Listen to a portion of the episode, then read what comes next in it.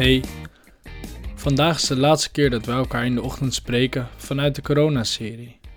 Morgen is de laatste dagelijkse podcast en na het weekend ga ik verder op een wekelijkse basis. Er zijn vandaag een aantal dingen anders. Toch staan er twee beeldschermen, twee lampjes, twee plantjes op een ander bureau en één microfoon. Het grote verschil is dat ik niet achter mijn bureau zit. Ik sta.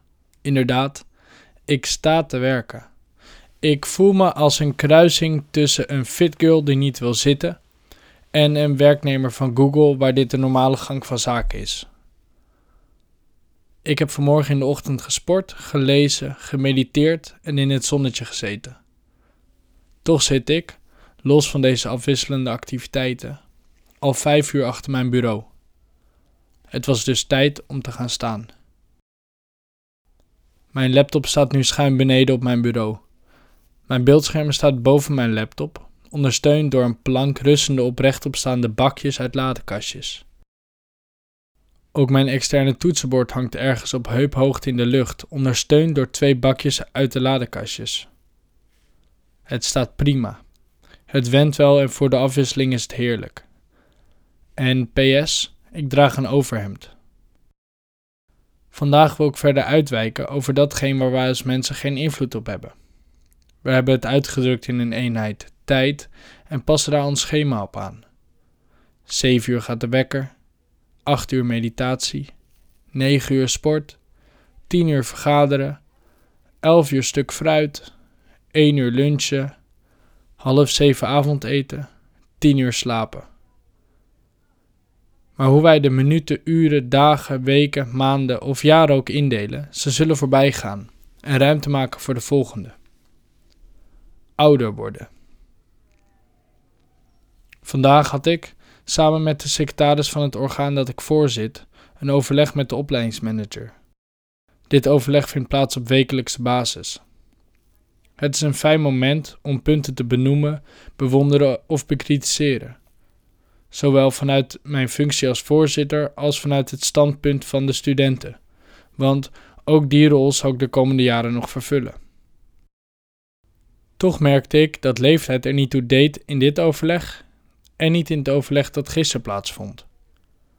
Je maakt een goed punt of je maakt geen goed punt. Je kan goed samenwerken of je hebt meer moeite om met anderen te werken. Je neemt het voortouw of je laat iemand anders het voortouw nemen. Dit staat allemaal los van de leeftijd die je hebt. Tuurlijk speelt het mee dat er een bepaalde basis aanwezig moet zijn voordat er gelijkwaardig met andere volwassenen gewerkt, gedeeld en gesproken kan worden, maar uiteindelijk zijn we allemaal mensen. Over precies drie maanden ben ik weer een jaar ouder. Hoewel deze drie maanden en dit jaar maar een menselijke aanduiding zijn voor de hoeveelheid tijd die nog moet komen of al is geweest. Zoals we allemaal herkennen, kan de tijd vliegen als het moment prettig ervaren wordt en kruipen wanneer de afleiding ontbreekt. Dus los van de chronologische aanduiding van tijd die wij hebben gekozen, hoe lineair is tijd eigenlijk? Als jong kind zijn er allemaal hokjes waarin je kan deelnemen afhankelijk van het aantal geleefde jaren. Ben je drie, dan ben je peuter. Ben je vier, dan ben je kleuter. Vanaf zes ga je als kind naar de basisschool en meestal zit een kind van 12 in de brugklas om vervolgens de puberteit in te duiken.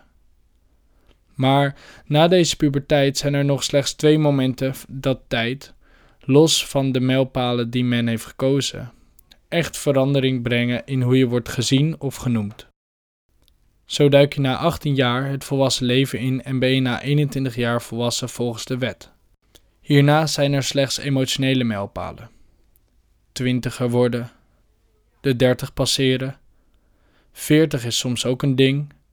De bekende midlife crisis bij de 50 en het pensioen.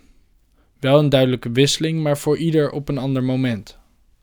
De puberteit ben ik, met uitzonderingen van een aantal terugvallen, gepasseerd.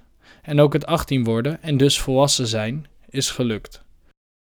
Maar als men aan mij vraagt hoe ik mezelf zou noemen, dan zou ik geen jongetje meer zijn, maar mezelf de titel man ook niet geven. Soms noem ik mezelf, of leeftijdsgenoten, nog puber, hoewel dat de lading eigenlijk niet meer dekt. Maar als ik geen van deze drie genoemde titels aan mezelf toeken, wat ben ik dan als het gaat om leeftijd? Ik ben 21 jaar oud en word binnenkort 22. Dat blijft een feit, maar zegt weinig over de onderliggende leeftijd die niet in getallen of geleefde jaren is uit te drukken. Hoe druk je die onderliggende leeftijd eigenlijk uit? En ben ik altijd even oud? Hoe zouden anderen mij zien? Hoe oud ben ik volgens hen? En is dat altijd hetzelfde? Zou het ouder worden ook kunnen stilvallen? Gaat het ouder worden eindeloos door? Ook na de dood?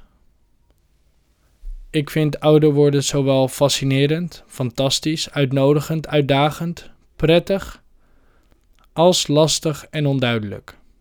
Maar hoe dan ook, het zal gebeuren. Misschien nu, misschien morgen. Of op een later moment. Welterusten.